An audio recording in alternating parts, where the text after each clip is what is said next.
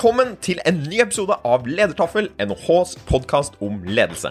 I denne podkasten kaster vi et blikk på aktuelle tema innen organisasjon og ledelse. Vi diskuterer hva forskningen sier, og vi kommer med noen av våre tanker om hva ledere kan gjøre annerledes for å lykkes der de er. Mitt navn er Marius Jones, og jeg er ph.d.-stipendiat her ved Norges handelshøyskole.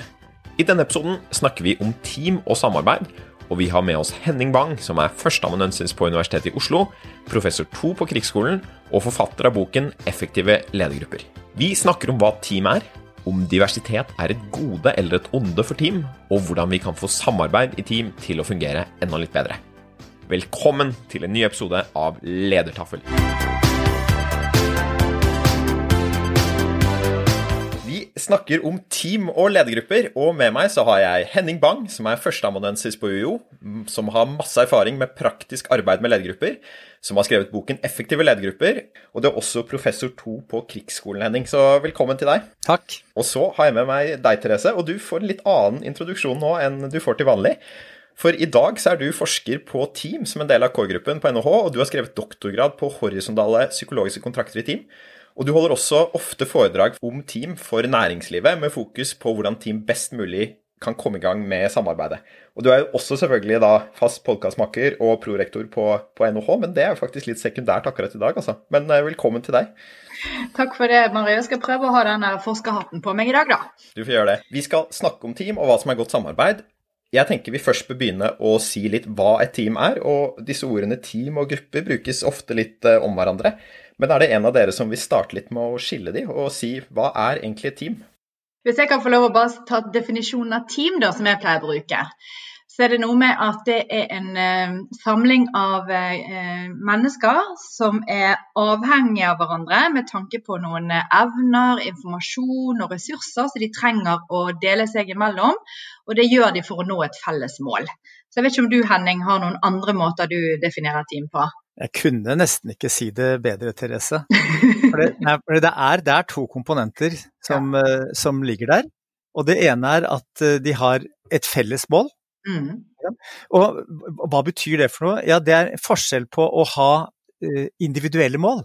Så hvis vi tre sier at hver av oss har hvert vårt mål med å være med i denne podkasten her nå, så vil jeg si at i hvert fall på målnivå så er vi ikke team. Men har vi et felles mål om å lage denne podkasten til den mest lyttede ledertaffelpodkasten, så har vi et felles mål. Og del to er hvor avhengig er vi av hverandre og godt samspill med hverandre for å få til det felles målet. Hvis vi sa at det er vi ikke i det hele tatt, her er vi ikke avhengig av hverandre, her hvis bare Marius gjør en god jobb, så kan vi bare drite oss fullstendig ut, Therese, ja da er det også liten grad av teamhet.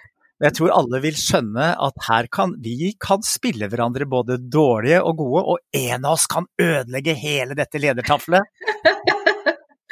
Så, jeg vil i høyeste grad si at vi er et team fordi vi har et felles mål, og vi er avhengig av hverandre for å nå det målet. Ja, og jeg syns det er litt artig at du tar opp det, for det er jo som å høre mine foredrag ute i næringslivet. Så, så av og til så stopper jeg foredraget mitt der, så sier jeg OK, sett dere sammen i teamet deres nå, og diskuter hva er avhengigheten deres? Hva handler den om? Og hva er deres felles mål? Og jeg lover dere, det kan ta en time. Fordi at folk vet ikke helt hva avhengigheten er, hvorfor de trenger hverandre. Og de føler ofte at de er satt i et team uten at noen har egentlig gitt dem en god forklaring på hvorfor de er der. Og hvorfor akkurat de er valgt ut. Hvilke kompetanser, ferdigheter, eh, bakgrunn de har som gjør at de eh, skal føle seg motivert for å levere i det teamet. Og det andre er jo dette med målet, som gjerne da er veldig uklart. Når vi først forlater liksom, hva er et team, jeg er blitt veldig glad i et begrep som Donald Hambrick etablerte. For han sier at kanskje vi ikke skal snakke om at det finnes noen team og noen grupper, og at de skiller seg fra hverandre, men det er grad av teamhet. Ja, det liker jeg òg. Teamness. Mm. Mm, teamness. Sånn at hvis man ser for at stafettlaget i langrenn, de er jo et team. I den forstand at hvis førstemann går sakte, så må de tre neste gå fortere. Så de er Mm. avhengige av hverandre.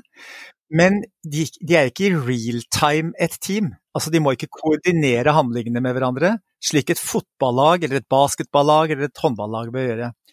Sånn at de er et team, men det er lavere grad av teamhent enn der hvor alle sammen må koordinere og tilpasse handlingene sine live, real time, på samme Mm. tidspunkt. Jeg syns det er veldig god, eh, godt å på en måte illustrere den flytenheten her, da, eller at det er en liksom gradvis overgang fra grupper til team. Mm. Og da er det jo litt interessant å tenke på organisasjoner for øvrig også. For at alle organisasjoner er jo grupper av mennesker som til en viss grad er gjensidig overhengig av hverandre. Det kan være lite eller mye. Og som til en viss grad har både individuelle mål og kollektive mål. Likevel så snakker vi om teamorganisering som kanskje noe annet, da, og som en litt sånn særskilt måte å organisere sin virksomhet på. da kontra f.eks. en hierarkisk organisasjonsstruktur eller matriseorganisasjon. Hva, hva burde det egentlig si når en organisasjon sier at vi skal ha en teamorganisering hos oss? Oljedirektoratet er jo et av de studerte eksemplene egentlig i offentlig sektor som sa at de ville rett og slett kvitte seg med en hierarkisk organisering, og så organisere sine medarbeidere i det de kaller lag. Som egentlig er jo det norske ordet mm. på team, hvis vi tenker oss om. Eh, og det syns jeg er spennende. Da, da, sier de veldig tydelig at vi slutter å ha veldig sånn eh, ulike lag hierarkisk, og så skal man uh, rullere på disse teamene og få mer selvstendighet og mer autonomi ut i, i disse lagene. Uh, så de mm. har jo tatt det til det ytterste konsekvens, mener jeg. Mens det er veldig mange organisasjoner tror jeg, som de sier det er viktig å jobbe i team, beholder gjerne avdelingsstrukturen sin. Det gis nærmest ikke noe opplæring i hvordan man jobber i team. Og Det er det jeg gjerne ser da jeg er ute og holder mine foredrag om forskningen vår på team, er at folk gjerne sier ja, ja, vi har jo tenkt at vi alltid har kunnet å jobbe i team, men nå skjønner vi at det er flere ting her vi bare kanskje burde tatt mer på alvor. Så, så det der med mm. kompetanse om team og forstå alvorligheten at for å få team til å fungere godt, og at det kreves noe opplæring i det, det tror jeg er et element inn for å snakke om at hvis team eller en organisasjon sier at nå skal vi gå all in og jobbe i team, så tror jeg man kanskje noen ganger tar litt for lett på det. Jeg vet ikke om du har noen refleksjoner rundt det, Henning? Det er nok mange organisasjoner som uh, bestemmer seg for teamorganisering, men som fremdeles har avdelinger som folk tilhører à la en mm. fagavdeling. Så jeg jobber jo med en del store konsulentselskaper, og de fleste store konsulentselskaper de organiserer seg team rundt de prosjektene de får, ikke sant. Mm. Men, alle, men, folk tilhører en eller annen avdeling, enten det er en markedsområde eller et regionalt område eller noe sånt noe. Så for meg så, når, når, når, organisasjoner begynner å snakke om at de skal drive mer teamorganisering, så tror jeg det er et forsøk på å ta på alvor at veldig mange av oppgavene de har, greier ikke å løses av enkeltpersoner innenfor én silo. Så vi er nødt til arbeid For, det, for meg så Om vi skal jobbe et team, avhenger av én en eneste ting, og det er har vi en arbeidsoppgave som krever at vi jobber i team. Mm. Og det som er dumt, eller kanskje vi skulle si fint, er at veldig mange arbeidsoppgaver i dag i organisasjoner kan ikke løses innenfor samme avdeling. Og Da kunne de godt håpe på at folk ja det er jo bare å ta kontakt med de, den andre avdelingen og begynne å samarbeide med den, så oppdager man at det er litt vanskelig. Hmm. Jeg tror det er derfor mange sier at nei, vet du hva, vi prøver å fjerne de der silobetegnelsene, slik at folk ikke skal primært kjøre tilhørighet til avdelingen sin, men til det prosjektet eller laget du til enhver tid er en del av, for å få løst den og den arbeidsoppgaven. Herlig. Og der har vi allerede rørt ved ganske mange sider, da, som kanskje er fordelen med å bruke en teamorganisering. Therese, du snakket om dette med selvstendighet for teamene, få mm. mer autonomi i arbeidshverdagen. Og Henning Bang, du snakker der om dette med tverrfaglighet, og klare å bryte ned siloene da, når vi skal løse prosjekter. Og så skal vi gå inn på dette her som dere begge nevner, at det kan være litt vanskelig å jobbe i team, og at man må klare å gjøre noen ting riktig hvis man skal få dette her til å fly. Og jeg tenker Et sånt utgangspunkt for den diskusjonen der kan jo være at vi sier at det er grunnleggende sett tre ting som man trenger for å få team til å fungere. Og Det ene handler om det som skjer utenfor teamet, altså en støttende kontekst, som er på en måte miljøet rundt teamet, insentivstrukturen i organisasjonen og sånn som det. Det andre handler jo da om to god teamsammensetting, at du har samlet de riktige individene. Og så kan vi snakke litt om hvorvidt det er det viktigste eller ikke. Og det tredje er jo kanskje det vi skal bruke mest tid på, og det handler om da gode teamprosesser. Altså det som skjer mellom de medlemmene som er satt sammen i, i teamet. Og jeg tror vi skal legge hovedvekten i denne podkasten på det tredje punktet, altså hva er godt samarbeid i team. Men jeg syns eh, det er spennende å touche litt på poeng nummer to, altså dette her med hvordan bør man sette sammen team. Og hvis vi starter med deg der da, Henning. Hva, hva, tenker du organisasjoner bør tenke på når de setter sammen team? F.eks. disse konsulentbedriftene da, som skal sette sammen team for å løse et spesifikt prosjekt. Det, jeg, jeg, jeg, må svare på to nivåer, men jeg kan prøve å svare direkte på spørsmålet ditt først. For det første jeg tenker er, jeg ville tenkt veldig på kompetanse. Rett og slett hva slags kompetanse trenger vi for å få løst dette, eh, denne arbeidsoppgaven. Og så... Eh, skulle jeg lagt til, til kompetanse, for jeg ser at det er jo en haug med konsulentselskaper eller advokatkontorer som sier at vi tar selvfølgelig ikke bare med de som er spisskompetente på dette, for vi har noen nyutdannede eller noen nye, så vi tar også med noen som for så vidt ikke kommer til å heve kompetansen i teamet, men som kan lære noe av hvordan vi skal jobbe. Altså, så kommer det, det som virkelig liksom trenger seg på hos meg, er at jeg liker jo ikke spørsmålet ditt! jeg har, jeg har Eller kanskje jeg skal si jeg liker spørsmålet ditt, men, men jeg mener jo at det er en Eller jeg mener, og det, vi har etter hvert en del forskningsmessig belegg for at det er ganske vanskelig å gi et godt svar på spørsmålet hva er den optimale sammensetning av folk i tid. Men, men er, den myten lever der ute, og jeg tror den myten kommer til å leve der lenge også. At hvis du bare setter sammen de rette folka, hvis du bare får plukket akkurat de rette folka, så kommer ting til å gå til himmels. Uh, og jeg er så glad hver gang det kommer et nytt studie som viser at så enkelt er det ikke.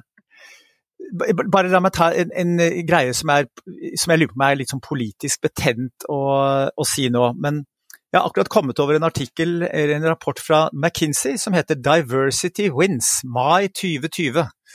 Jeg, jeg, tror ikke det kan gå en uke uten at jeg i DN sier at all forskning folk, viser at uh, mangfold er bra. Uh, diversity er viktig. Altså Det handler jo om sammensetning. Pass på å sette sammen team som er forskjellige. Så det hadde vært fristende å svare deg at ja, det skal du sette sammen et godt team, så pass på at folk er forskjellige. Folkens, det er veldig, veldig liten empirisk støtte for at det å sette sammen et team på basis av forskjellighet garanterer at du går til himmels. Med mindre det betyr å eksplodere og Ikke sant? Så, sånn at vi, vi, har prøvd å finne ut Tenk om det kunne vært sånn da, at hvis vi fikk inn flere, et, en mer kjønnsbalansert toppledelse i ledergruppen, så går det mye bedre. Styrene eh, kan vi ikke vise at når det er kommet uh, lovpålagt 40% kvinneandel i styrene, eller likhet i, i, kjønn, så går det mye bedre. Eh, der går, spriker resultatene som bare juling. Så det er innmari vanskelig å gi svar på det spørsmålet. Jeg skal gi et, Før jeg overlater det til Therese og hører hennes refleksjoner på det. Altså, jeg, jeg, har gått inn og prøvd å se på det. Det er jo ting som tyder på at hvis du personlighetstester folk i et team Gjennomsnittsnivået av scoren på planmessighetsstruktur hvis den er veldig lav, altså veldig lav planmessighet i struktur, de ser ut til å gjøre det litt dårligere enn der hvor den er høy. Og det samme er gjennomsnittsscoren på det som heter agreeableness, omgjengelighet. Men det er liksom Hvor mange års forskning trenger vi å si, folkens? Pass på å sette sammen folk som er ekstremt lite omgjengelige team. Da går det dårlig. Og har du mange som er omgjengelige, så går det litt bedre. Og greia er at det forklarer ganske lite av variasjonen i teamets prestasjoner. Så mitt, min melding er det er en, et sidespor å bli så opptatt av sammensetning. Vi må mye heller se på hvordan vi skal spille den hånda vi har fått utlevert, best mulig. Herlig. Vil du bygge på det, Therese? Ja, det er bare musikk i mine ører. Det er jo de samme tingene jeg ofte sier, og det er veldig interessant. Så jeg skal egentlig ikke gjenta det Henning sier, men jeg har lyst til å, å trekke frem det som mange nå har eh, blitt kjent med, fordi det har vært publisert ganske mye rundt denne Google-studien som mange har snakket om. Fordi jeg vet at en god del der ute har lest i avisene om den. Og det, Den finner nettopp det som Henning nå sier. I Google jobber man i team, så nå skulle de for en gangs skyld finne ut den rette sammensetningen av folk, og hvilke variabler som var viktige med hensyn til eh, bakgrunn, personlighet, kjønn, alder, erfaring osv. To år brukte de på å kartlegge alle karakteristikkene ved menneskene i de ulike teamene. De skåret de, sant, hvem som var best, og så prøvde de å finne formelen fant ingenting. Altså, det var ingen sammensetning av folk som ga noe mer eller mindre svar på dette som, som vi egentlig søker etter. Men derimot, det de fant, det var jo det du sa i tredje punktet ditt, Marius, vi skal diskutere, det var prosessen. Hvordan føltes det å være i de teamene som fungerte bedre? Og der føltes det trygt. Og det er jo den vi har hatt en helt egen podkast om som heter Psykologisk trygghet. Sant? Som heter Gruppefenomenet. Som er slik at når du er i et team og føler deg trygg til å uttrykke dine meninger og følelser uten redsel for å bli møtt med, med fordømmelse og represalier, så er du på et godt sted. Da kan et uh, team blomstre. Og Det er jo nettopp det som Henning sier. Du har det, de kortene du har fått utdelt. Du har de menneskene i organisasjonen som du har, og så må du sette de sammen Selvfølgelig skal du tenke på kompetanse, fordi at de skal løse en, en gitt oppgave. Men noen har ikke tid akkurat den måneden, og noen er opptatt med andre team. Og så får du de menneskene du har. Og det gode, fine er da at forskning innen team nettopp viser at det er hvordan du starter, det er hvordan du legger forhold til rette, som gjør om et team har større eller mindre sannsynlighet for å lykkes. Og det er jo nettopp sånne ting man kan jobbe med. Du kan ikke endre noens personlighet. Du kan ikke endre alderen deres, kjønnet deres osv. Men du kan legge til rette noen gode forhold. og Det er jo det som eh, det optimistiske, men selvfølgelig gjør det ikke noe lettere av den grunn å lage gode team. Men eh, heldigvis skal man få lytte til flere sånne faktorer som eh, vi kan mye om det, Henning. Og, og, vi må straks inn i de faktorene, for de er veldig spennende. Og så tenker jeg, selv om du sier du ikke liker spørsmålet ditt uh, der, da, Henning, så vil jeg gå én runde til med det. For jeg syns det er så spennende fordi Nettopp fordi at det sies veldig ofte at teamsammensetning er viktig, og at diversitet er nøkkelen, akkurat som du sier. Og hvis vi nå her da mener at forskningen ikke støtter det, så syns jeg faktisk det er litt spennende å grave i. Og det første jeg vil grave i, er jo alle disse verktøyene som brukes for å sette sammen det optimale teamet. Og der har du jo verktøy som f.eks. Diversity Icebreaker, og du har DISK f.eks., som kartlegger enkeltpersoner. Altså du er en sånn type, du er en sånn type, og hvor disse verktøyene da forteller deg at når du skal sette sammen team, så trenger du liksom én av hver type. Og Det er ganske utbredt å bruke de her verktøyene, både for teambuilding, men også for å eh, kartlegge team. Og altså hvem som bør være med i team. Og hvis det er sånn at dette faktisk ikke er en god måte å sette sammen team på, hva tenker dere da rundt bruk av sånne verktøy da i organisasjoner? Ja, jeg kjører på her. For jeg, jeg, har lyst til å forsvare diversity icebreaker litt her, ja. For jeg tror nok ikke de som bruker og de som eh, jobber med diversity icebreaker, tenker ikke at den skal brukes for å sette sammen rød, blå og grønne personligheter, skjønner du. Den er faktisk innmari ålreit eh, blant flere verktøy for å få forståelse for ulikheten og skape større takhøyde. Er det sånn du er, Marius? Akkurat. Og begynne å kunne sette pris på at vi er forskjellige. Så, for jeg, jeg, skal jeg, jeg, jeg, har lyst til å slå meg selv på kjeften nå. det syns jeg er en veldig god, fin øvelse. Jeg tror nemlig, og det, jeg har i hvert fall kommet over ett studie som indikerer at forskjellighet Altså sjansen for å bli et knallbra, eksepsjonelt bra team, er større hvis du setter sammen folk på basis av forskjellighet. Og sier jeg det litt grovt, enn hvis du setter sammen folk på basis av likhet. Det den studien indikerte, var at hvis folk er veldig like, så kan de gjøre det ganske bra, og de vil sjelden gjøre det veldig dårlig. Men de teamene som virkelig gjorde det ekstremt bra, der var det ganske store forskjeller mellom folk. Men i de teamene hvor det var store forskjeller, fant du også ræva teamene, de skikkelig mm. dårlige. Mm. Ehm, dette, dette er én studie jeg har funnet. Den, eh, den, rimer veldig godt med hva jeg tror. For hvis vi sier at en av grunnene til å sette sammen team, er jo ikke nødvendigvis at vi skal ha fem som er klin like. Poenget er vi trenger et team hvor vi har en kompleks eh, et kompleks oppgave som trenger noen som er veldig gode i matte og statistikk, noen som er veldig gode til å skrive, noen som er veldig gode til å tenke. Så hele tankegangen bak Belbins teamroller og altså de som snakker om forskjellighet, jeg vil ikke kaste den helt vekk. Problemet er å bruke og tro at det er nok på en måte å sette det sammen på basis av mm. eh, forskjelligheten. For det er så mange måter å være forskjellig på. Og det, den eh, forskningstradisjonen jeg også har sett en del på, som jeg syns er så spennende, dels fordi at jeg har vært parterapeut, kanskje dels fordi at jeg er skilt. Altså, hvordan leve best mulig med en person som er griseforskjellig fra deg. Mm. Hvordan, hvordan, være en, en, rotekopp og nyte at du er sammen med en ryddig person? Jo, det kan kanskje gå. Det er motsatt. Det er verre. Og så, sånn er det i et. Jeg sitter i en ledergruppe, og jeg liker å uh, gjøre ting fort og komme til handling. Så sitter jeg sammen med en som ikke kan fordra at ting går for fort, og vil analysere mer. Og vi kan stå og negge på hverandre. Men for meg å skjønne at hvis alle var som meg, så hadde vi tatt masse gærne beslutninger og begynt altfor tidlig. Og hvis alle var som eh, hun der som skal gjøre ting, utreder, ikke sant, så hadde det aldri fått løfta seg. Så vi trenger forskjellighet. Så jeg vil slå et slag for diversityen. Selv om vi ennå ikke Jeg har i hvert fall ikke greid å finne studier som liksom fastslår at det er vesentlig.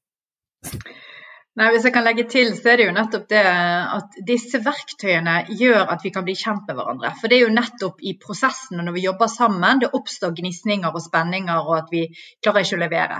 Men når vi forstår hverandre bedre, hvis du tar den klassiske introvert-ekstrovert-dimensjonen, så vil det typisk være i et team på fem personer, så vil to stykker stå for 70% av dialogen eller praten.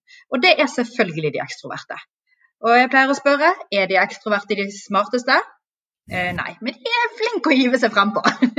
de kan av og til være de smarteste. Men problemet er at da, da blir det ikke balanse sant, i dialogen. Og hvis da i et team du ikke er klar over den forskjelligheten i, i preferanser på å hive seg frempå og prate osv., så, videre, så kan det ofte bli en sånn todeling. For vi er veldig flinke vi mennesker å sette hverandre i bås. Da blir det slik at de ekstroverte peker bort på på de introverte og sier ja, når skal dere begynne å bidra da? Dere bidrar jo aldri. Mens de introverte peker bort på de ekstroverte og sier ja, men vi slipper aldri til. Og får du en sånn todeling i et team, da, uten at man er bevisst på at det, det bunner i denne forskjelligheten i oss, så er jo det et problem, selvfølgelig.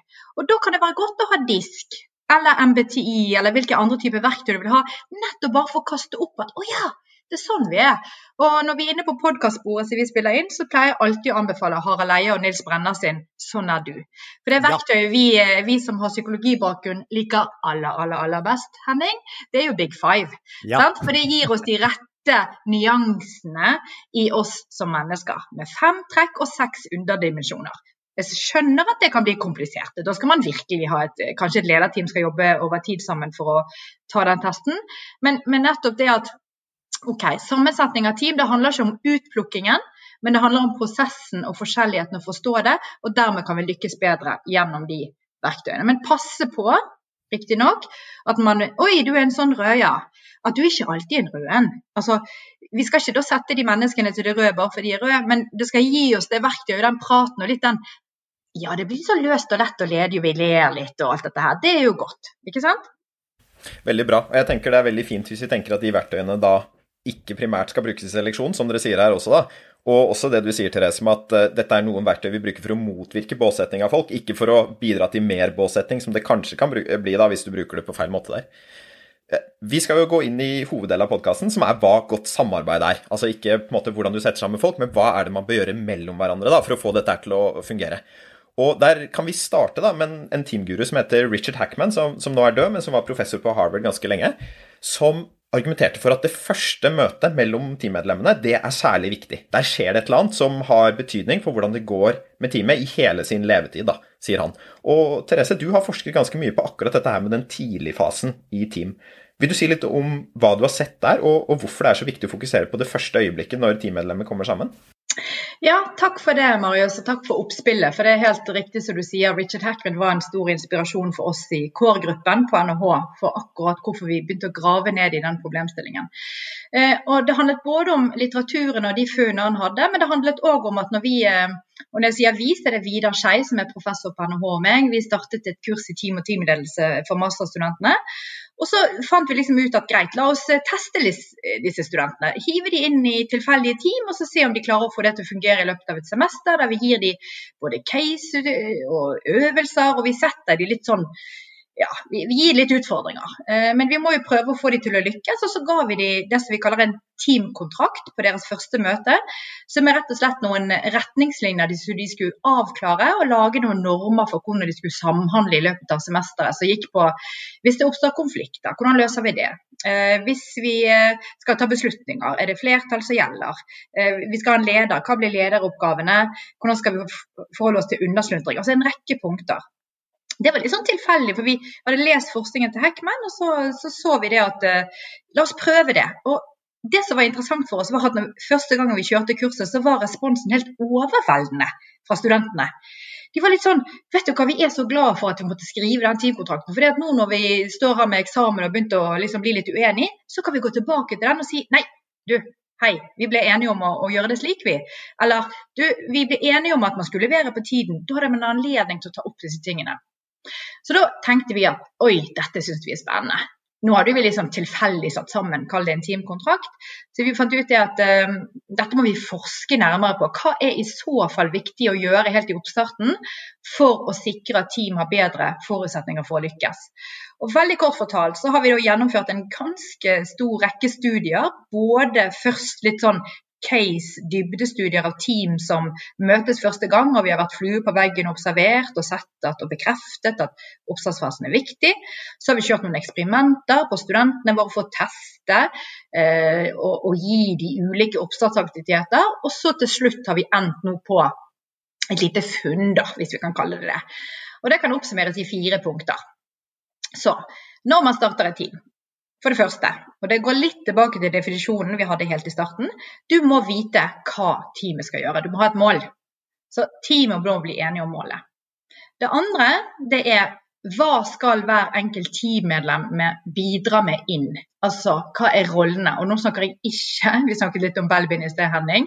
Det er ikke planten og klovnen og alt dette her, men det er altså hva er mitt bidrag? Hva er det av min kompetanse som skal inn i dette teamet? Og egentlig litt tilbake igjen til det med avhengigheten. Punkt nummer tre det er normene. Altså hvordan skal vi jobbe sammen. Hvordan skal vi sikre at det er psykologisk trygghet f.eks. At vi har takhøyde, at folk kommer til orde. At vi møtes og når vi møtes og hvilke regler vi skal ha for samhandling på møtene. Er det greit å sitte med mobiltelefon og svare på mail? Eller skal vi legge det fra oss? Altså, det er en rekke sånne implisitte regler, normer, spilleregler du kan etablere. Så det må man tenke på. Så det er punkt tre. Punkt fire det er egentlig ikke alle selve oppstartsfasen, men det handler om refleksjonsfasen. Det vil si, alle team kan i starten si det at ja, vi har dette målet, dette rollene våre, dette normene. Men akkurat hvordan det forløper seg, det blir jo ikke alltid helt sånn du hadde planlagt. ikke sant? Så da trenger du den refleksjonsfasen, sette av tid systematisk, stoppe opp og si hm, fungerer vi sånn som vi hadde etter intensjonen nå? Har vi riktig mål? Har vi fordelt arbeidsoppgavene riktig? Har vi de hensiktsmessige normene? Og den fasen er beviselig, altså helt kritisk. Men veldig ofte ser vi at team pga. dårlig tid, tidspress osv. de neglisjerer den fasen. Men det er liksom hovedbudskap. Så 1, 2, 3, 4 det er mine tips til akkurat det. Kult. Og der er det jo fire ting som virker veldig viktig for å få team til å fungere. Og så snakker du noe om at det er timingen her, altså det første møtet, som er så sentralt, og at disse tingene bør etableres da, da sånn som jeg forstår deg. Hva er det som gjør på en måte at det første møtet er så viktig? Altså Hvorfor kan du ikke gjøre dette midtveis eller en tredjedel på veien? Altså Er dette så enkelt som at um, sånn gammel vane eller dårlig vane er vond å vende når du først begynner å rulle av gårde? Ja, det, er masse psykologiske mekanismer som ligger til grunn. Jeg tror Det første jeg vil peke på, er det som de fleste har opplevd i livet, førsteinntrykkseffekten. Idet du møter et menneske første gang, så danner man noen eh, antagelser om hvem de er, og hvordan de er osv. Veldig basert på få inntrykk. Eh, det vet vi. Det andre vi vet, er at når mennesker er sammen for første gang, så fester det seg. Eh, altså, bare et eksempel. Som jeg sa, vi har vært ute i team observert hva som har skjedd på det første møtet. Når da en teamleder sier på første møte følgende jeg forstår at jeg som prosjektleder har fått mer av arbeidstiden min, altså 40 å dele og, og, og del, være delaktig i dette teamet, at jeg må gjøre mesteparten av jobben. Så mine forventninger til dere er egentlig at dere holder en god kommunikasjon og er til stede på møtene. Du kan jo bare tenke deg å få en sånn melding på det første møtet. Hva skjer med dette teamet? Nei, de, de, de, de, gjør ikke det som teamlederen delegerer til dem. For de kommer på neste side Du, jeg fikk ikke tid. Han har jo allerede gitt dem mandatet på at de ikke har tid. Så, så, det som skjer på et første møte, det blir nærmest som en norm, altså en spilleregel for atferd. Derfor er det så viktig det som skjer i det første møtet. Og når jeg snakker om disse tingene, så er det jo en del som sitter i salen og så sier de sånn Men du, vi har hatt et team som egentlig har holdt på en stund, og vi fungerer egentlig veldig dårlig. Hva gjør vi da? Vi er jo ferdig med starten. og da sier jeg det er så fint, for da kan du ta en restart. sånn? Så det er ikke håpet, håpet er ikke ute fordi om ikke du hadde en god start. Men det handler jo da nettopp om å anerkjenne at OK, vi er kommet litt skjevt ut. Vi kan faktisk si det at gjennom å ha jobbet med det sammen, så har vi nå en unik erfaring til å se litt på hva som har vært utfordringer for oss. Er det mål som har vært utfordring? Er det disse rollene, altså hvem som gjør hva? Er det noen normer her som ikke er hensiktsmessig? Og så kan man ta det jeg kaller en restart. Men det, det fordrer at man er motivert.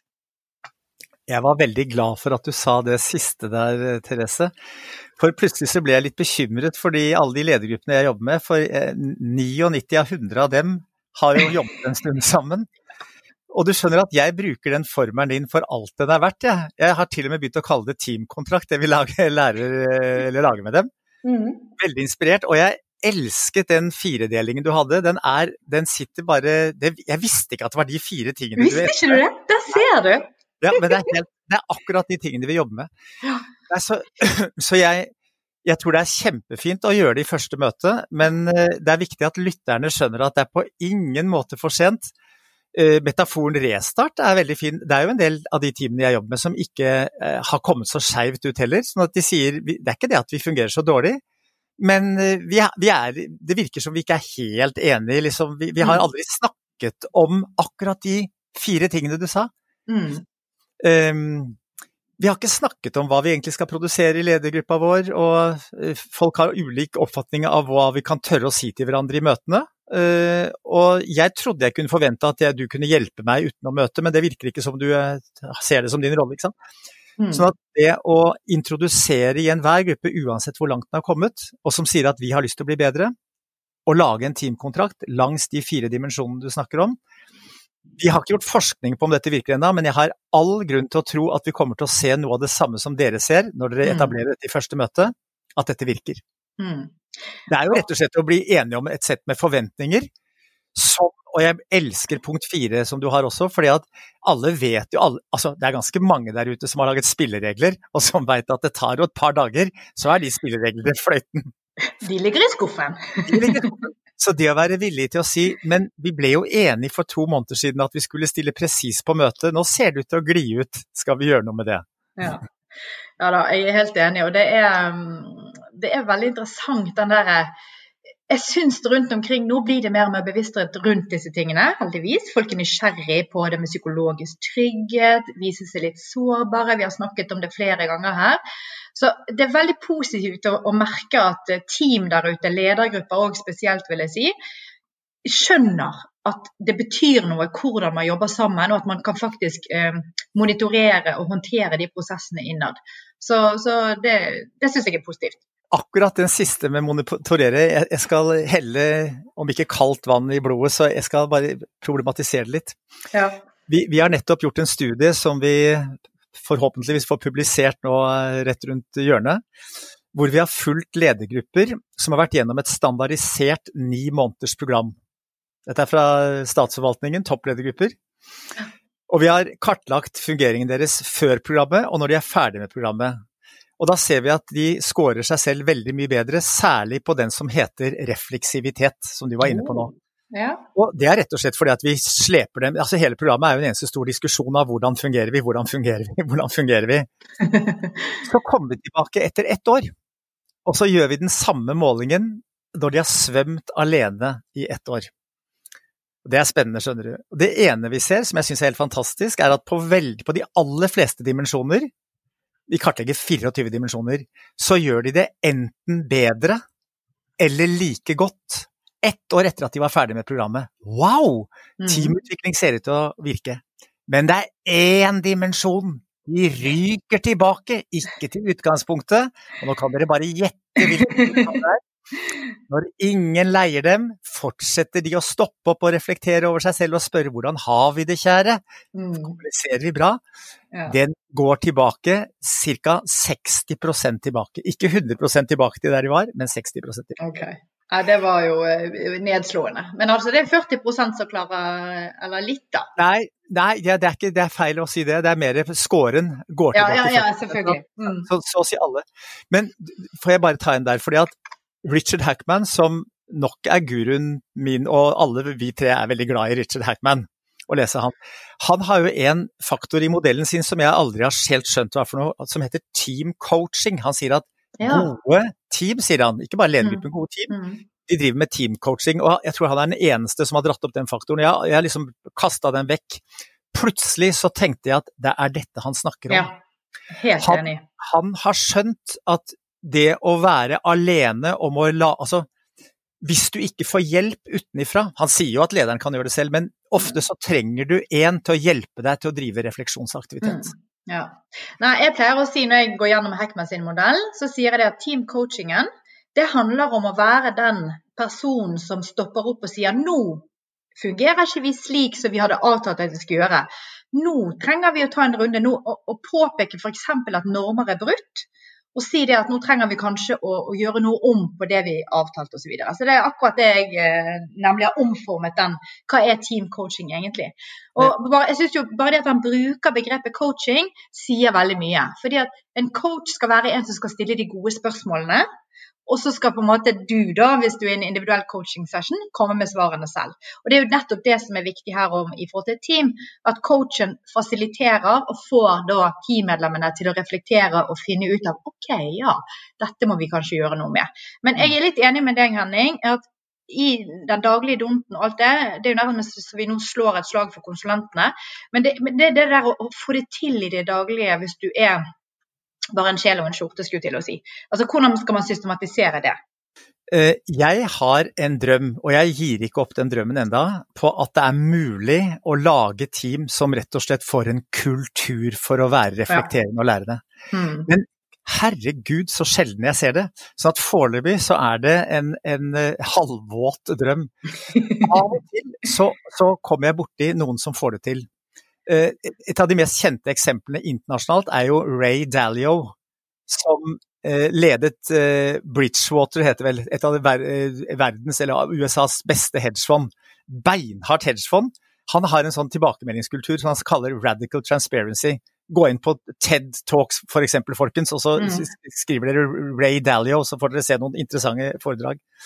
Men jeg kom over f.eks. et team i NRK Okay. De som lager radiodokumentaren i NRK. Mm -hmm. Hørte et foredrag av eh, en av dem nå som fortalte at Vet dere forresten at radiodokumentaren i NRK i tiår på tiår har vunnet priser, så verdenspriser, wow. for verdens beste radiodokumentarer. Så de har en lang historie på å lage knallgode radiodokumentarer. De forteller at de har en tilbakemeldingskultur før radiodokumentaren går ut, som handler om å, å samle folka og ha en kritisk gjennomgang av hva fungerer, hva fungerer ikke. Mm. Og så vidt jeg skjønte det, så er dette, dette er på en måte institusjonalisert. Det er ikke noe sånn nei, å, orker vi, tør ikke, greier ikke, kan jeg, må jeg pakke inn? Så det minner på mange måter om noe av den kulturen du finner i akademia også. Jeg vet ikke hvordan det er på, hos dere på NHH, men når jeg skal ha ut en artikkel, så prøver jeg å samle noen forskere rundt meg som kan rive i stykker den artikkelen før jeg skrift, for å få julinga på forhånd. Mm. Men, men, det å få folk til å skjønne at det å være kritisk på et eller annet, er ikke å være slem. Jeg er veldig glad i ordet kritisk venn. Mm. Så jeg, jeg, lurer på hvordan skal vi få organisasjoner til å skjønne at det å være kritisk er altså ikke nødvendigvis å være uvennlig. Du kan være uvennlig, det kan være en anledning til å si takk for sist, din dritt. Men det å få den kulturen inn, det har jeg en drøm om å greie å få til bedre, altså. Jeg tenker Vi bør koble det vi har snakket om nå, litt til det begrepet psykologisk trygghet. For her kommer jo mm. du litt med en oppskrift, Therese, som, som, du også støtter, Henning. At det, det, handler om dette med felles mål, klare å sette roller, sette noen normer som er hensiktsmessige, og få til den refleksjonen underveis.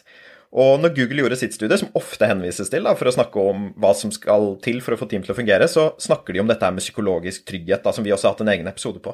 Og den var jo ikke på listen eh, til noen av dere nå, så langt i hvert fall. Vil dere si litt om forholdet mellom psykologisk trygghet og de fire punktene, som på en måte skal være oppskriften på godt teamarbeid?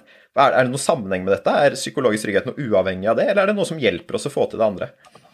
Jeg prøvde vel å si at eh, normdannelsen handler om psykologisk trygghet først og fremst. Og jeg pleier òg å, å synes det er gøy å referere til en studie som er gjort av en som heter Lee Thompson, som eh, har sett på brainstorming. Hun er en forsker både på team, kreativitet og forhandlinger. Og det Hun gjorde, hun hadde sånne type etter- og videreutdanningsledere inne på kursing. og Så delte hun de inn i to store grupper og små team innad der. Eh, og det hun sa var at i De ene teamene de skulle da bli kjent gjennom å fortelle hverandre eh, en suksesshistorie de hadde opplevd det siste halve året. Sant? Eh, det kunne være på jobb eller privat, men bli kjent gjennom å fortelle hverandre en suksesshistorie. Og så var det de andre teamene. De ble satt i en annen setting der de sa nå skal dere bli kjent, men dere skal fortelle hverandre en historie dere er litt pinlig berørt av, som dere har opplevd selv, eh, enten privat eller på jobben. Og så delte de den historien. Så ga hun de, alle teamene samme oppgave om å drive brainstorming, komme kom opp med noen eh, kreative ideer osv. Og, så og så målte hun da hvem var mest kreative av de gruppene. Var det de som hadde startet med å fortelle suksesshistorier, eller de som hadde startet med å fortelle pinlige historier. Og Tittelen på paperet hennes eller artikkelen 'Tell an embarrassing story for better brainstorming'. Så der ligger jo svaret. Altså, der man hadde tørt å være sårbar, fortelle noe pinlig osv., de hadde jo egentlig nesten ikke noe filter lenger. For når du skal være, eh, ha brainstorming, så skal du komme opp med det dummeste du kan tenke deg. Eh, av det kan det komme noe kreativt. Mens i suksesshistorien så var man nesten opptatt av å bevare sitt gode navn og rykte som nettopp har satt på spill. Eh, så, så, det er egentlig en litt sånn jeg syns du kan grave så mye i, i, akkurat den studien hennes der, med hensyn til å by litt på seg sjøl. Altså det der med sårbarheten, det å vise at vi er ikke så fantastisk flinke, alle vi som sitter her. Altså De fleste i en gruppesammenheng, når de møtes for første gang, sitter litt sånn Oi, der er Henning. Han er jo utrolig god på ledergrupper og forskning på team. Skal jeg spille inn en podkast med han? Hjelpes meg. Hvordan kommer dette til å gå? Han syns ikke at jeg ikke har så mye å bidra med. Altså, osv. Så, videre, og så, videre. så lager man seg sånne ideer og tanker osv. Men heldigvis er ikke Henning sånn, da. Så jeg føler meg så trygg her jeg sitter i denne podkasten og kan bare lire av meg, selvfølgelig. Så, så, det er noe der. Og det handler om disse normene. Ja, og jeg, jeg, tror jeg skal ta den enda et skritt videre. For hvis jeg skulle spissformulere det litt, så eh, jeg Jeg legger nok da psykologisk trygghet nesten i en, i en, egen sekk. Så de fire punktene du var inne på, Therese, de mener jeg de er grunnlaget for veldig mm. Da får vi avklart forventningen til hva vi skal gjøre, hvem som skal gjøre hva, og hvordan vi skal oppføre oss. Men det er når vi begynner å eh, prøve å leve disse normene, for vi kommer til å bryte dem, vi kommer til å tulle oss vekk. Mm. I, den, i, i, i den, det derre The moment of truth er når du og jeg begynner å bli skikkelig uenige, eller du sier et eller annet som jeg tenker det er helt på trynet. Eh, og vi har blitt enige om at vi skal være åpne og ærlige med hverandre, men hvis jeg da ikke tenke meg litt om på hvor mye devaluerer jeg deg, hvor mye undertekst, hvor mye ironiserer jeg over at det går an å være så dum som det du er. Jeg kommer jo ikke til å si det, ikke sant, men det kommer til å lyde i stemmen din. Der mener jeg veldig mye av grunnlaget for psykologisk trygghet eh, ligger. Og jeg har så lyst til å løfte opp det du sier, for det Lee Thompson fant, eh, er jo akkurat det samme som Amy Edmundsen finner i sin forskning, og veldig mange av kollegene til Amy Edmundsen som ser etter forløpere til psykologisk trygghet. Mm. Og helt riktig at stikkordet handler kvalmt nok, kanskje det ikke er kvalmt, men noen jeg har harde venner som syns det er kvalmt, det handler om å gjøre seg sårbar. Og da må folk, det fins folk når jeg sier dette her som misforstår man sier, mener at skal vi som ledere ligge og grine da? Ja, nei, nei, det betyr ikke det. De tre tingene jeg syns det handler om, er er du villig til å vise at det hender at du er usikker? Altså vise usikkerhet. To, be om hjelp. Mm. Og tre, innrøm feil.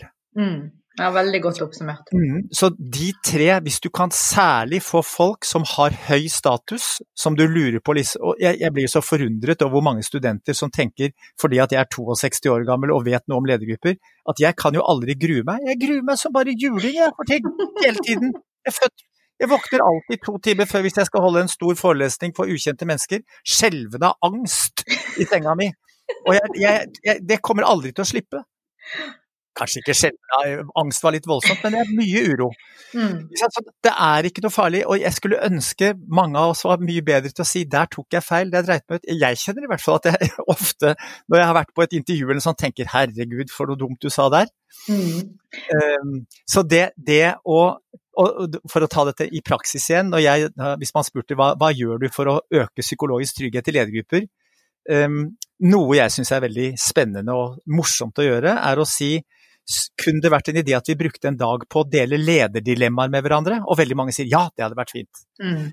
Så sier jeg fint, så da skal dere ta frem et, et, ordentlig fett dilemma du har stått i som leder, eller står i som leder nå, og som du ikke helt vet hvordan du skal håndtere. Og hvis du virkelig skal være modig, så ta, ta et ordentlig litt sånn skammelig dilemma, som du syns også det er litt pinlig å innrømme for de andre i ledergruppa at du har stått i. Og, og, noen sier sånn ja, men vi kan jo ikke gjøre det før vi er psykologisk trygge på hverandre. Jo da, sier jeg. Det er akkurat det som er hele poenget. Dere skal gjøre dette fordi dere ikke er psykologisk trygge på hverandre. Og så hvisker jeg til dem, for jeg, jeg har mistanke om at det kommer til å gjøre noe med psykologisk trygghet hvis dere tør å gjøre dette her. Ja. Og det er ekstremt sjelden jeg har opplevd at ikke dette fungerer. Altså når folk dels legger frem et dilemma, og får høre fra andre men det dilemmaet har jeg også. Mm. Eh, når de får råd fra andre, når de opplever at de kan gi råd til andre. Så at det er en del konkrete ting man kan gjøre Eh, uten å nødvendigvis ta runden på å fortelle om det mest skammelige du har opplevd i livet ditt. Jeg har gjort det med noen også, jeg, men altså, du kan rett og slett jobbe, jobbe med ting som du syns er skitvanskelig på jobben også. Mm. En ting som jeg tenker på når du sier dette med å tørre å være sårbare, så lurer jeg litt sånn i For det virker som at det er på en måte litt løsningen her, og at det også er veldig krevende. ikke sant? Hvis dette her var enkelt, så ville jo alle team vært psykologisk trygge. Og en måte som psykologisk trygghet har blitt definert som, er jo dette her med at om folk føler det er rom for å ta sosial risiko i en gruppe. Altså at man tør å si ting som kan bli sosialt sanksjonert. Og det jeg ofte lurer på da, er er feilen på mottakersiden eller avsendersiden? Altså er det sånn at folk er for redde for å f.eks. innrømme feil, eller er det sånn at i mange organisasjoner så er det sånn at det å innrømme feil faktisk straffer seg? Altså, I hvor stor grad tenker vi at denne frykten for sosial risiko er en reell frykt, da, som man faktisk burde ha, og som gjør oss litt smartere? Fordi jeg merker at jeg er ikke helt overbevist om at det alltid er det riktige å på en måte dele de sårbarhetene hvis du er i et miljø hvor det faktisk straffer seg altså. Og jeg tror at veldig mye av det å skape psykologisk trygghet handler jo faktisk om å bygge organisasjoner hvor det er rom for det. Og så blir jeg usikker på om på måte, det er faktisk realiteten i dag. da. Så jeg lurer på om dere har noen erfaringer med dette her. da. Når folk sier at det ikke er rom for å vise sårbarhet, er det fordi at de ikke tør det, og at det bare handler om å gå det neste skrittet?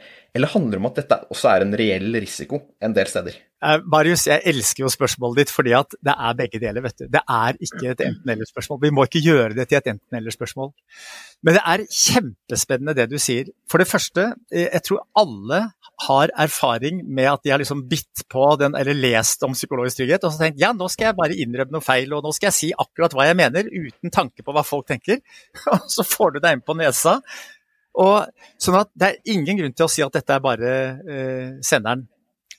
Samtidig, det er senderen også. Jeg gjorde eh, for ti år siden en studie hvor jeg intervjuet 21 ledere om de eh, om det hendte at de satt i ledermøter, spurte jeg hvor eh, en innleder eh, til en sak, og så lurer du på hva er det du egentlig vil med å ta opp denne saken. Ja, han. Mm. Det, det, det, mm. skjer ofte.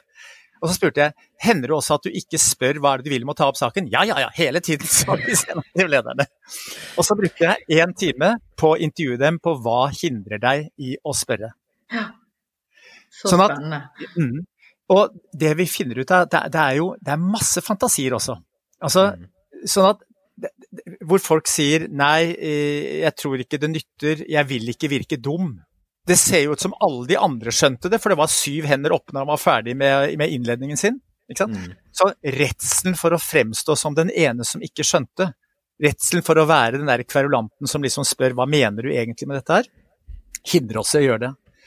Så jeg skulle ønske at vi A tok mer sjansen på å spørre. Det går jo an å spørre på måter som ikke er så eh, eh, altså, Som ikke beskylder de andre for å være dumme, holdt jeg på å si.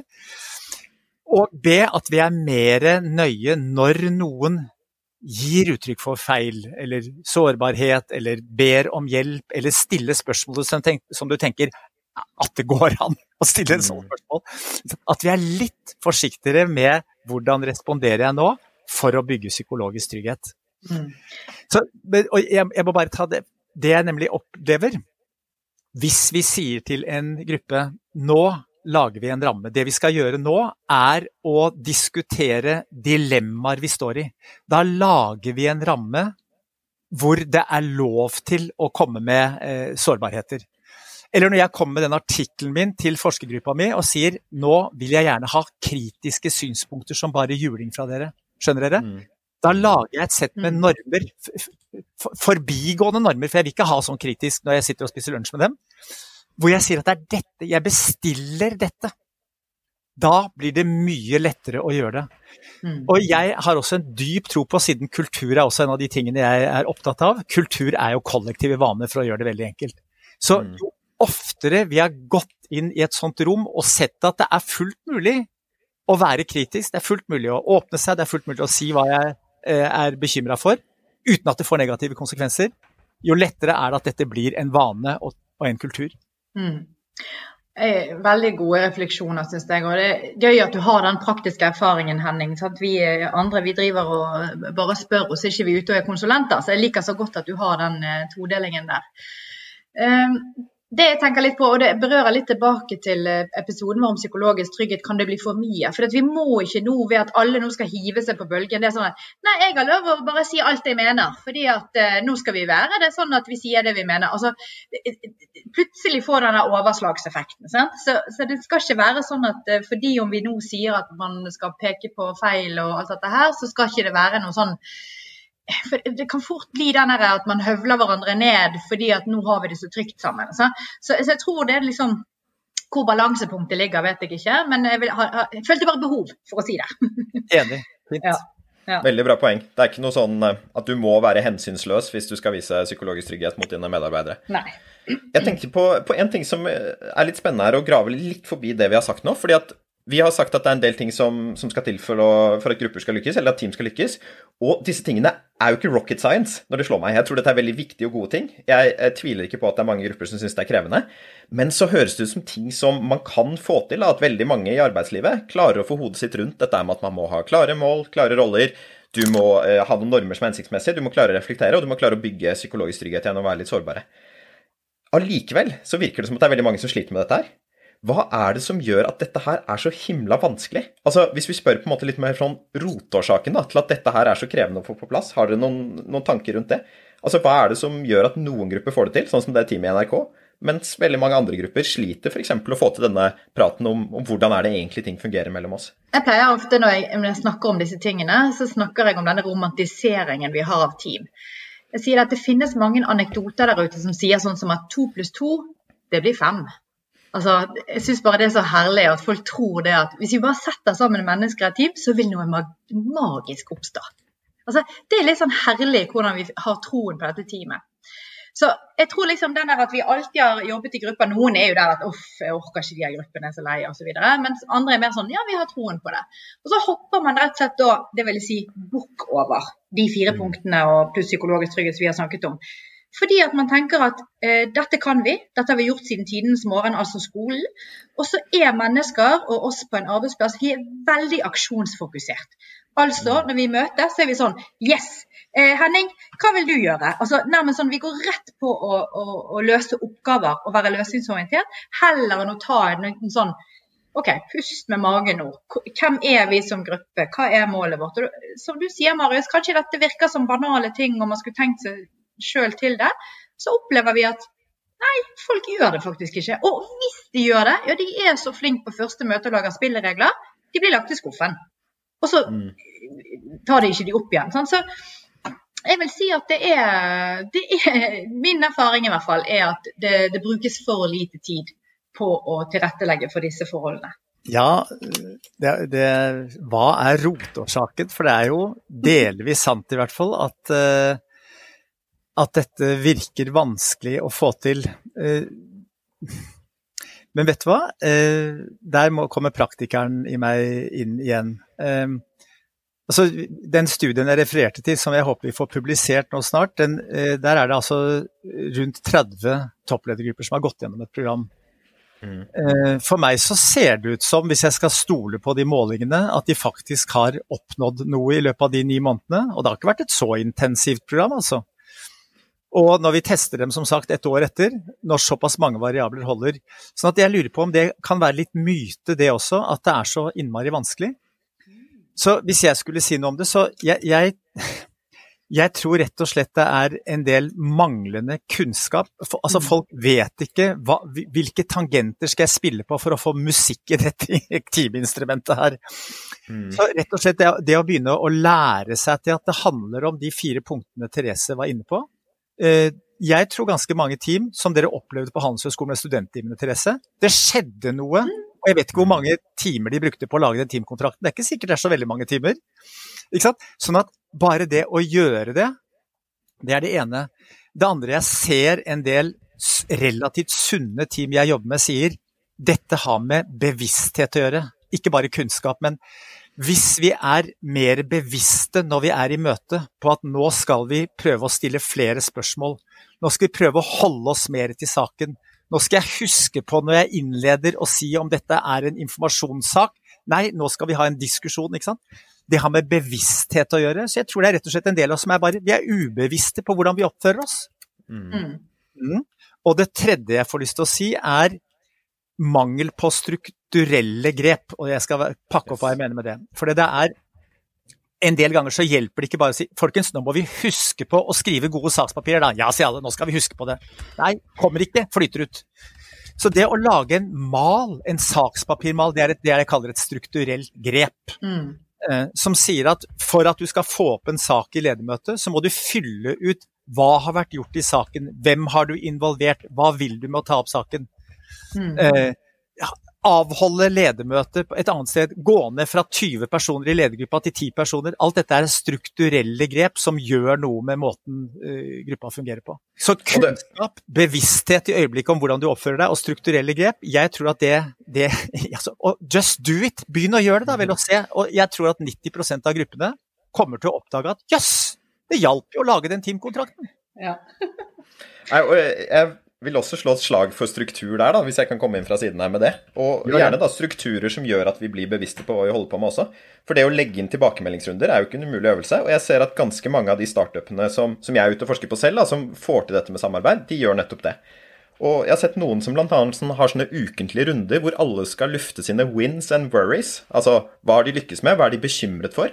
Og lufter det i plenum til alle. Og det er også veldig fint for å bygge en sånn psykologisk trygghet, for da får alle må si noe som de syns er litt ubehagelig eller vanskelig akkurat nå. Ellers er det andre grupper av utviklere f.eks. som sier at de har sprint reviews på slutten av hver to ukers prosess. Og den handler ikke bare om hvordan gikk det med utviklingen av produktet vårt, altså det som skjer i koden, men også hvordan var samhandlingen mellom oss. Hva er det som fungerte godt, hva er det som ikke fungerte godt? Eh, og som gjør at man blir på en måte påminnet. Hva, hva er det jeg gjør riktig, og hva er det jeg kan gjøre bedre, på en sånn jevnlig basis. Nettopp.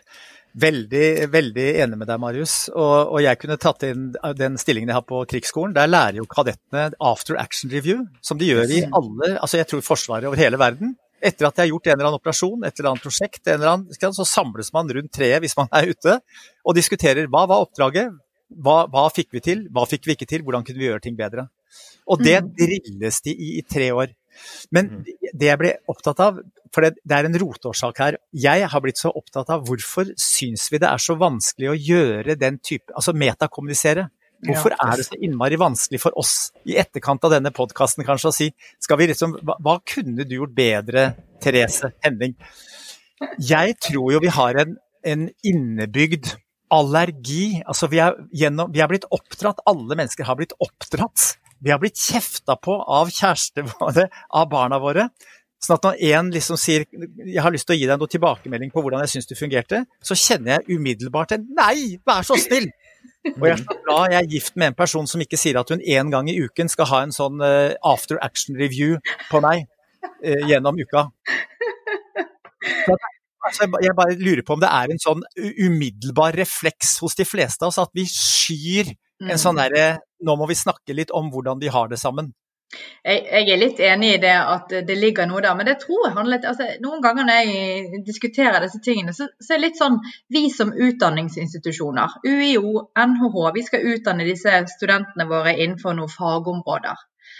Men skal vi, vi, skal vel òg utdanne de som gode borgere og som gode arbeidstakere. Og nettopp det med metakommunikasjon og det å takle tilbakemelding. Hvor mye ruster vi de til det? Altfor lite. Og jeg tror jo, og tilbake til liksom, ta det store bildet med digitalisering, robotisering Det er noen ting vi mennesker er uovertruffen i. Og det er jo nettopp disse tingene her. Sånn? Der kommer ikke roboten og, og, og, måte kan ta det. Altså, vi trenger oss mennesker for å gå inn i mye mer av disse her mellommenneskelige om det kalles utvikling, relasjoner osv. Og, og det det må vi bare spesialisere oss og bli flinkere både å utdanne våre studenter, men òg sjøl selv selvfølgelig å utvikle oss på. Jeg kom, jeg kom, over en kjempespennende artikkel, eh, og som jeg håper det er gjort flere studier av, som sier noe om forskjellen på å gi feedback når den ikke er bedt om, mm. og, for, og, og, gi feedback når den er bedt om. Og jeg, For meg så handler det om noe av det vi snakker om nå. For det de fant ut er at det er mye mer smertefullt for den som skal gi en negativ tilbakemelding, og gi det til en som ikke har bedt om det. Mm. Og det er mye mer smertefullt for den som eh, får en negativ tilbakemelding, eh, å få det uten at vedkommende har bedt om det selv. Så hvis jeg skulle ta dette inn i det vi snakker om nå med og, og, eh, altså Det er en veldig forskjell på hvis kona mi sier 'jeg har noe jeg har lyst til å snakke med deg om', eller 'jeg vil gjerne ta opp noe', og at jeg, eller hvis, glemt kona mi nå, men vi er i et team. Hvis jeg sier 'dere, jeg har veldig lyst på noen tilbakemeldinger etter at vi er ferdig med denne podkasten', mm. på er det noe jeg kunne gjort for å bidra til at podkasten ble enda bedre. Jeg er genuint nysgjerrig, kjære venner. Mm. Det er mye lettere å gi tilbakemelding da. Så jeg vil slå et slag for at mange grupper som ønsker å få en feedback-kultur, ikke start med å gi tilbakemelding, start med å be om. Start med å en runde. Hva er du nysgjerrig på, hva skulle du ønske at noen kunne si noe til deg om? Hva er det du lurer på om fungerte bra eller dårlig? Jeg, jeg lurer også på det der du, du, snakker om, Henning, at det kan være litt sånn ubehagelig å gjøre, ha disse samtalene. Ubehagelig å gi tilbakemeldinger. Og jeg ser jo også for meg når man begynner med dette i en gruppe, da, å være litt kritisk med hverandre, så kanskje det blir en litt sånn kollektiv angst i gruppa. At vi som fellesskap syns det er litt sånn ubehagelig at alt dette kommer ut nå. Og jeg lurer på om den også evnen til å holde sånn kollektiv angst kan trenes. Og her er jeg litt sånn inspirert av en fyr som heter Buster Benson, som har skrevet en veldig god bok som heter Why Are We Yelling? Som handler om hvordan du skal ha gode diskusjoner i, eh, på jobb. Og det han sier, er at se hvor angsten starter, og gå dit. Eh, Oi. Og hans poeng er at når vi har diskusjoner med hverandre, så kommer det til å gjøre litt vondt. Og der er ofte kjernen i diskusjonen. Der er det det viktigste. Der er virkelig gullet. Og når den angsten starter, eller altså ubehaget, stresset, da, angst er kanskje et ladet ord, så har folk en tendens til å bevege seg over til andre ting. Og så får man mm. ikke løst problemet, og så beveger man seg vekk fra det interessante. Så jeg tror jo kanskje altså, En tanke som jeg har hatt, er at å trene grupper til å på en måte sitte i ubehaget litt, da. Og tenke at her er det faktisk noe interessant. Hvis vi klarer å ikke rømme vekk fra dette her, da, mentalt eller fysisk, kanskje kan være en måte å, å jobbe med tilbakemeldingskultur i gruppe på også. Enig med deg. Men eh, med fare for å Nei, ikke med fare, la meg si det på en annen måte. Ehm, jeg vet jo at jeg blir mye mer mottagelig for korrektive tilbakemeldinger hvis jeg opplever at dere ser hva jeg er kjempegod på. Mm. Eh, jeg driver og flørter med positiv psykologi, eh, kanskje mm. litt mer alvorlig enn flørting, men strength spotting, altså mm. styrkeidentifisering, er noe det har begynt å bli gjort forskning på. Jeg har kommet over noen rapporter som bl.a. viser at ledere som er gode til å se medarbeidernes styrker, der vil medarbeiderne oppleve seg mye mer motiverte. Altså det er en boost for motivasjon. Mm. Eh, det gir veldig mening for meg. Sånn at eh, jeg vil også slå et slag for når vi skal ha sånne evalueringsrunder, at vi ikke bare går på jakt etter 'detecting errors', som eh, Chris Adler kalte det. ikke sant? Men også hva, hvilke partier av samarbeidet vårt var det som fungerte kjempebra, som vi kunne gjøre mer av. Hva var det jeg syntes var gullet i det du gjorde, Therese? Hva var det jeg elsket ved måten du stilte spørsmål uh, dine på, Marius? Mm. Uh, så komboen, uh, og det er det også vist i forskning på 360 tilbakemelding, at 360 graders tilbakemelding, som er en kombinasjon av hva er det du er dødsgod på, og hva er det du kan gjøre bedre, funker mye bedre og mye mer endrende enn bare positive eller bare negative tilbakemeldinger. Mm. Og Det er en veldig fin måte å si det på, at det er jo ikke noe trade-off. Det er ikke sånn at du må velge, på en måte. Skal du gi konstruktiv kritikk eller se de gode sidene? Du kan faktisk gjøre begge deler. Vi skal komme inn noe helt på slutten her, og det er dette her med særegenheten med ledergrupper. Og vi har egentlig snakket en del om de spørsmålene som vi tenkte vi skulle ta da. Men jeg, jeg tenkte helt på slutten, Henning, å bare høre litt med hvordan du konkret jobber med ledergrupper som, eh, som du er ute hos. For du har jobbet ganske mye som konsulent ute med ledergrupper, og du har også skrevet denne boka som handler om effektive ledergrupper. Hvis du vil si litt nå sånn avslutningsvis, hva er det egentlig du gjør når du er ute hos ledergrupper og prøver å hjelpe dem med å fungere litt bedre i hverdagen? Ja, får jeg, gjøre det? Får jeg 20 sekunder, da? Skal jeg Drømmen min er når jeg jobber med en ledergruppe, at jeg er villig til å sette av et år. Eh, fordi at det tar tid å endre vaner, og for meg så dreier dette seg veldig mye om å endre vaner. Eh, så det å ha tre-fire samlinger på én til to dager, eh, hvor vi jobber med akkurat det Therese var inne på. Altså jeg starter mm. veldig fort med å lage en teamkontrakt. Hva skal målet med ledergruppen være? Hva er spillereglene våre? Hva kan vi forvente av hverandre? Jeg gjør også en undersøkelse. Jeg ber ledergruppen svare på et spørreskjema. Jeg intervjuer alle sammen og spør hva syns dere vi skal bruke tid på hvis noe skal endre seg i løpet av dette året. Tenk dere at det har gått ett år. Vi er sommeren 2022. Eh, og dere har fått til det dere ønsker å få til med ledergruppen? Hva er det vi da har gjort noen endringer med? Altså, hva, hva, hva er det som kjennetegner samspillet oss imellom? Jeg jobber veldig ofte i en samling med hvordan utnytte forskjelligheten i gruppa. Jeg synes, sånn som vi var inne på i sted også, jeg opplever at forskjellighet kan potensielt være veldig bra, men folk mm. tør ikke, eller folk blir for forstyrra av det. Så det å bli kjent med hverandre, f.eks. gjennom Neo PR, som er en jeg er veldig glad i å bruke. Eller, som er en sånn big five personal, uh, personlighetstest, ikke sant? Ja. Og noe vi ikke får gått inn på nå, men jeg nevner allikevel kjernekvadranten, folkens. Core mm. quadrants som er en strålende måte å se at det vi er gode på, kan bli akilleshælen vår fordi at mm. vi overforbruker det. Det er en veldig konstruktiv måte å snakke, snakke om styrker og, og, svakheter på. Så det bruker jeg ofte mye tid på i ledergrupper. Bruker tid på det jeg sa med, med veilede hverandre på dilemmaer, for å prøve å løfte takhøyden på hva det er lov til å si til hverandre. Så er jeg ofte med på ledermøter. Filmer av og til ledermøter. Gir dem tilbakemelding ikke minst lærer dem selv til å gi hverandre tilbakemelding, sånn at de ikke er avhengig av at det sitter en psykolog og gir den tilbakemeldingen. For det er noe med, En ting er å sitte på en samling, ikke sant? en annen ting er å se dem live når de holder på. Mm. Og siste punkt, for å ta det, for dette ble veldig mye på ledermøtene. Jeg har jo mer og mer oppdaget at ledergrupper eh, fungerer dårlig utenom ledermøtene. Så tenk at eh, en ledergruppe er ikke bare ledermøte folk som burde jobbe mye mer sammen på tvers, eller gjete medarbeiderne sine til å jobbe mer sammen, gjør det i for liten grad. Mm. Så husk på at lederteamet eksisterer også når du går ut av ledermøtet. Jeg tenker vi kan prøve å eh, lage en sånn avrunding her. og når vi avslutter dette her, så pleier vi å ha en litt sånn tre ting som ledere der ute kan gjøre for å komme i gang med det vi har snakket om nå. Så jeg vet ikke om du vil starte der, Therese. Hvis du skal gi tre hint til ledere der ute som sitter og tenker jeg vil ha litt bedre samarbeid i mine team. Hva er de første tingene de bør ta tak i, eller hva er de første tingene de bør gå til da, for å få det til å skje? Ja, Det blir jo fristende å peke på mine fire punkter, da, som jeg egentlig gjetet gjennom uh, sendingen her, vil jeg si. Uh, men OK, da, altså, punkt én må jo være å, å, tørre å ta i bruk de fire punktene. Uh, yes. Leke seg litt med det. og punkt to, så tror jeg faktisk jeg vil snakke om denne forskjelligheten.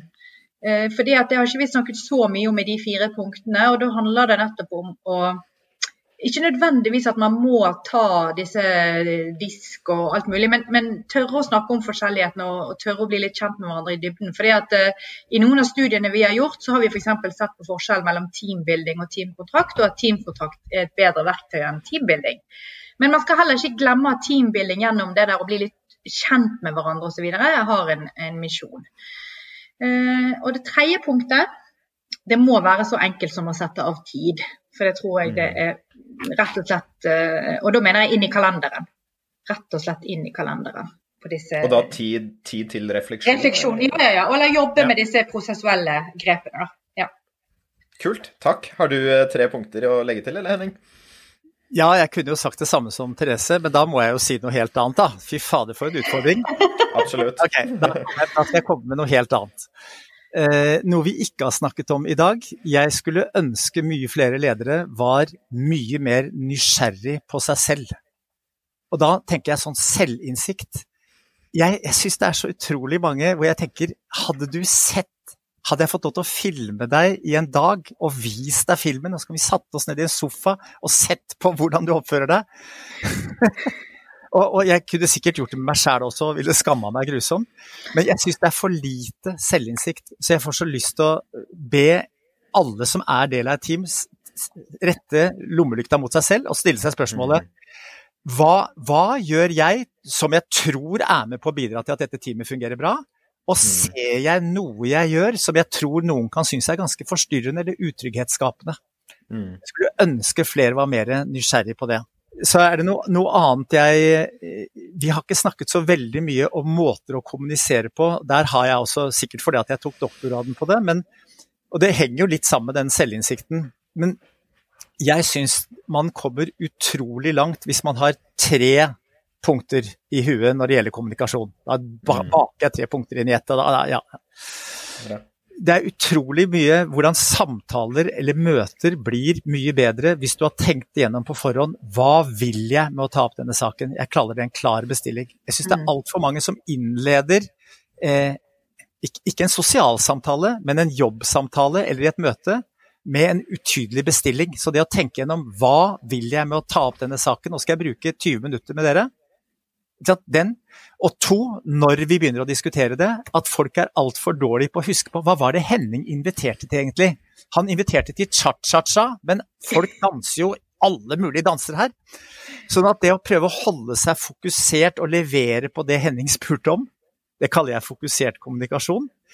Og det andre, det tredje eh, momentet som vi har snakket lite om i dag, som jeg også er, elsker, det er det som kalles dialogisk kommunikasjon, som sikkert noen syns er et jåleord, men jeg skulle ønske at folk lærte seg det. Og hvis jeg skal gjøre det veldig enkelt, så handler det rett og slett om hvor god er du til å kombinere det med å si tydelig hva du mener, med å undersøke og spørre nysgjerrig hva andre mener. Og Det er mulig at de som hører på nå sier at det er jeg en mester i. Nei, det er dere fanken ikke en mester i, tror jeg. Det er mulig at dere er gode på det når dere sitter sammen med en som snakker om veldig, sier mye veldig mye interessant. Men veldig mange av de gruppene jeg er i, hvor folk har veldig ulike meninger, så blir de veldig gode på klar tale, men veldig mm. dårlige på nysgjerrig utforsking av andre som mener noe helt annet enn det. Mm. Så det har jeg lyst til å slå et slag for. Herlig. Det var tre gode punkter, det, fra begge to. Tusen takk for at dere var med og snakket om team, Henning og Therese. Takk skal dere ha. Veldig hyggelig.